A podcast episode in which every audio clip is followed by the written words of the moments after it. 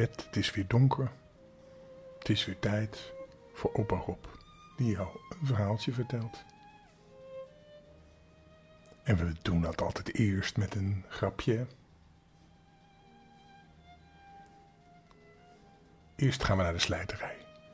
En daar zegt de klant tegen de slijter: Hé, hey, waarom is die rode wijn eigenlijk duurder dan die witte? Nou, zegt de verkoper, de slijter. Denk je dat we die kleurstof voor niets krijgen? En Jantje zit in de klas en die zegt broem broem. En de juf zegt, hé hey Jan, stop daar eens mee. En Jantje zegt weer broem broem. En de juf zegt weer, Jantje, stop daar nou eens mee, anders moet je naar de gang. Een tijdje later zegt Jantje weer, broem broem broem broem. En de juf zegt, ik ben er klaar mee. Ga maar naar de gang. Jantje zegt, dat kan niet, want eh, mijn benzine is op. en weet je wat het toppunt van snelheid is? Een slak die uit de, uit de bocht vliegt. nou, we gaan nu weer een verhaaltje voorlezen. Een sprookje. En een sprookje is altijd lang geleden. Het is weer uit onze sprookjes. Top 100. En het is een Frans sprookje.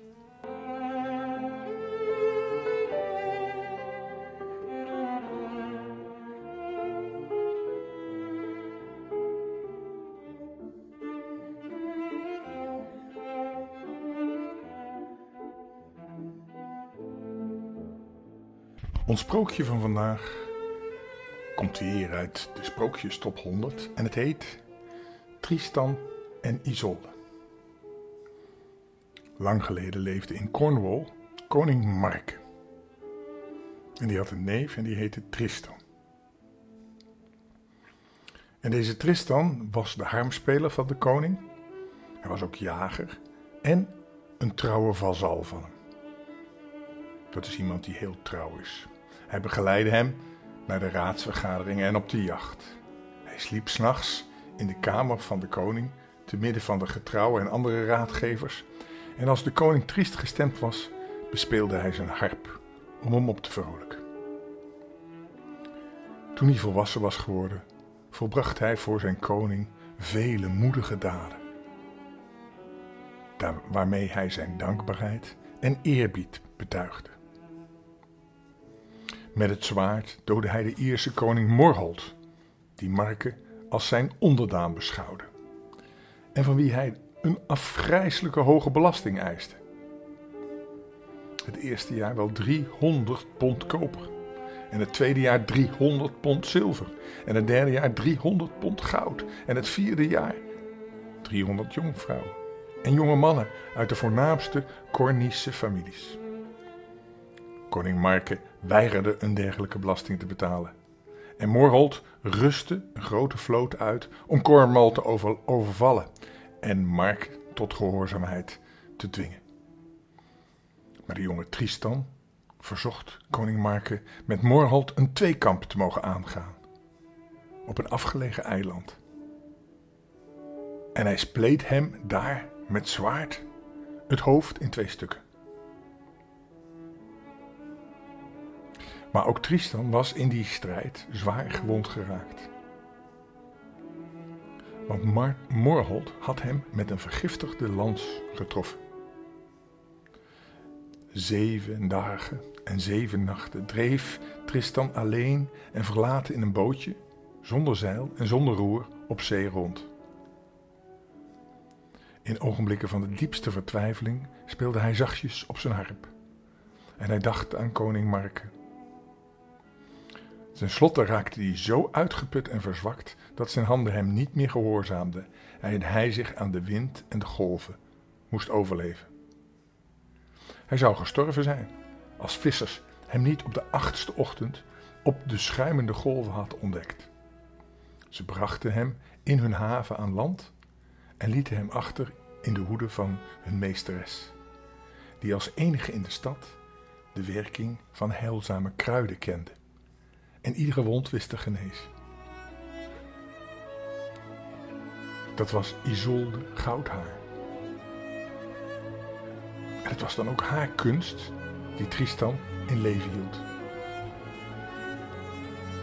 Helemaal genezen keerde Tristan naar koning Marke terug.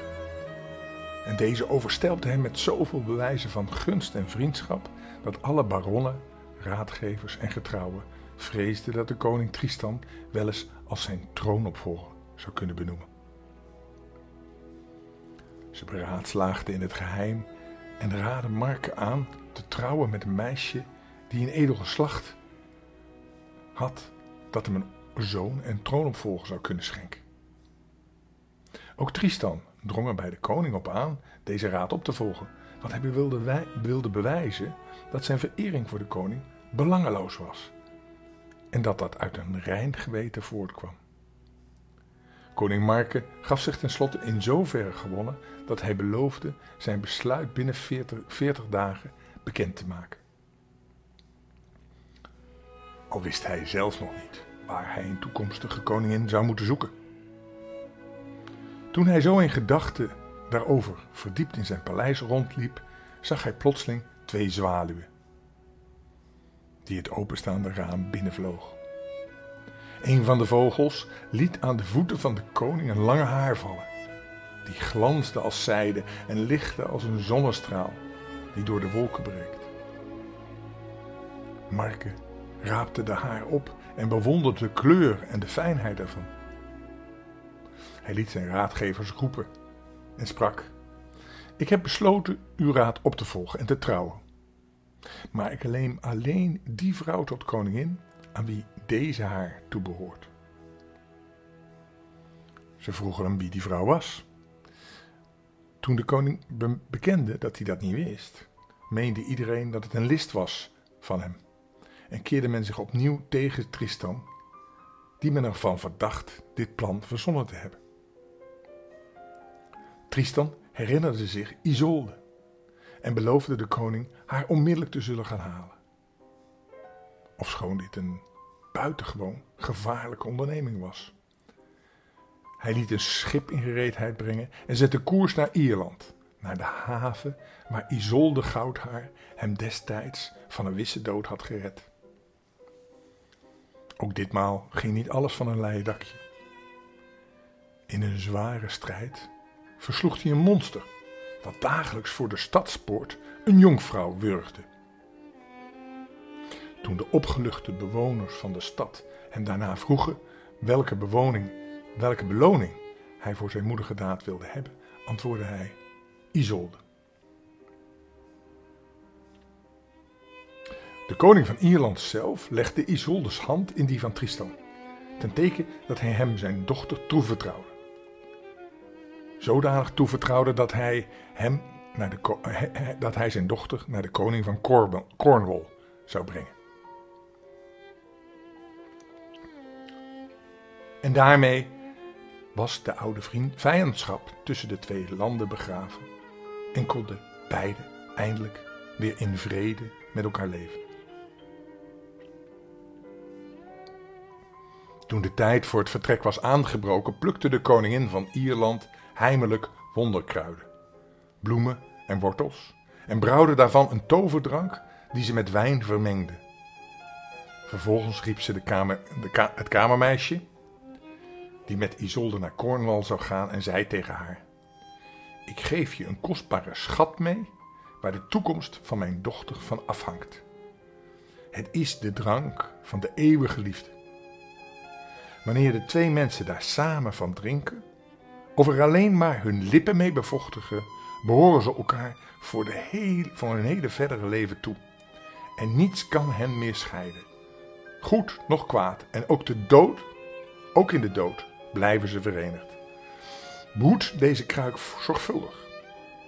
Als de koning en de koningin op de avond van hun huwelijksnacht met elkaar alleen blijven, meng dan deze drank ongezien door hun wijn en gooi de rest weg. Niemand anders dan zij beiden mogen deze toverdrank aanraken. Anders is het onheil niet te overzien. Het kamermeisje, Bragane, beloofde het. Ze verborg de kruik zorgvuldig en behoedde hem tot het vertrek als haar oogappeltje. Het werd een droevig afscheid. Hoe verder het schip de kust van Ierland achter zich liet, des te heviger werd Isolde door kommer en onrust gekweld. Ze kreeg heimwee naar haar land. En haar vader, aan haar moeder en de onzekere toekomst boezemde haar heel veel angst in. Ze weigerde met iemand te praten, ook niet met Tristan. Het deed haar pijn dat Tristan haar als een soort oorlogsbuit meevoerde naar een vreemde man die zo lang een vijand van haar land geweest was. Dagen achtereen voeren ze over de zware stormen die de zee kwelden. Op de ochtend dat de wind ging liggen en de zeilen aan de masten in het zonlicht verslapten, gaf Tristan bevel bij, de bij het eerstvolgende eiland aan te leggen. Zodat iedereen een beetje van de verschrikkingen van de afgelopen dagen zou kunnen bekomen. Iedereen ging graag aan land, behalve Isolde, die met haar jonge kamermeisje aan boord bleef. Tristan, die zag dat het meisje zo verdrietig was dat ze zelfs niet aan land wilde gaan, keerde terug op het schip en probeerde haar op te beuren. Maar ze sprak geen woord. De zon steeg hoger aan de hemel en het werd steeds warmer aan boord. Tristan vroeg de het jeugdige kamermeisje hem een slok wijn te brengen. Het meisje zocht lange tijd vergeefs. En vond tenslotte in een verborgen hoekje een kruik met een donkere vloeistof. Het was de toverdrank die Isoldes moeder voor de huwelijksnacht van haar dochter had toebereid. Dorstig dronk Isolde met lange teugen en reikte daarna de kruik aan Tristan, die hem tot op de bodem ledigde. Op dat moment kwam Bragane binnen. Ze, en ze zag hoe Tristan en Isolde elkaar diep in de ogen keken. Ze sprak hen aan, maar ze hoorde haar niet. Ze waren zich van niets anders bewust dan van elkaar. En de wereld bestond niet meer. Alleen maar voor elkaar, want ze waren verliefd. Tot op dat moment had Isolde Tristan alleen maar willen haten. Maar nu kon ze plotseling geen ogenblik meer zonder hem. En de tranen kwamen in haar ogen zodra hij maar even uit haar gezichtsveld verdween. En Tristan, die zijn koning een koningin wilde brengen, om hem zijn eerbied en gehoorzaamheid te betuigen, pijnigde zich nog meer omdat hij de gedachte niet kon verdragen dat Isolde hem nooit zou toebehoren. En omdat hij met zijn liefde voor haar verraad pleegde aan zijn vorst. Alleen Brangaan wist wat er gebeurd was. Drie dagen lang zag ze hoe de twee verliefden alle schotels en alle dranken terugwezen, rondliepen als in een droom en de kleinste gelegenheid aangrepen om bij elkaar te zijn. En op de vierde dag vroeg Tristan ronduit aan Isolde wat haar zo kwelde. Alles kwelt mij, antwoordde Isolde. De hemel, de aarde en iedere gedachte. Waarom heb ik jou ontmoet? Waarom heb ik je wonden verzorgd, die koning Morhald Spier je, had, Speer je heeft toegebracht? Waarom ben ik niet voor je gevlucht? Waarom liet ik je niet sterven? En dan heb ik je toen gered. Waarom ben je toch teruggekomen? Ze weende, ze klaagde, nog heel lang. En het brak Tristan zijn hart. Wat kwelt je? vroeg hij nogmaals, want hij wilde de oorzaak van haar grote smart uit de weg ruimen. Maar Isolde keek hem aan en antwoordde eenvoudig: Mijn liefde voor jou, dat kwelt mij. Ze spraken geen woord meer, maar vielen elkaar in de armen. Toen liet Brangaan zich voor hen op de knieën vallen en bekende hun alles. Dat ze betoverd waren doordat ze de kruik wijn hadden geledigd, die Isolde met koning Marke had moeten drinken. En ze vertelde hen dat geen macht ter wereld deze betovering nog zou kunnen verbreken. Tristan en Isolde verzwolgen haar woorden. Ze keken elkaar aan, ze omarmden elkaar zo innig, als was het een omhelzing voor eeuwig, als wilden ze nooit meer van elkaar scheiden. En terwijl het schip de kust van Cornwall naderde, gingen Tristan en Isolde in innige omarming arming, hun noodlot tegemoet. Hun ongeluk, hun liefde en hun dood.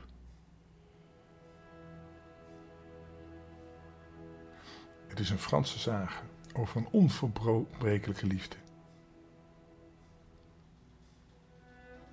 Isolde en Tristan zullen doodgaan, want uiteindelijk moest Isolde trouwen met de koning. Maar ze was verliefd op Tristan. En met die liefdesdrank kon die liefde niet meer verbroken worden. Dat is een hele ongelukkige liefde. Maar een liefde is er voor eeuwig. Nou, dat is een bijzonder verhaal, vind je niet? Laten we nu maar lekker gaan slapen. Wel rusten, hè? Tot morgen. Dag.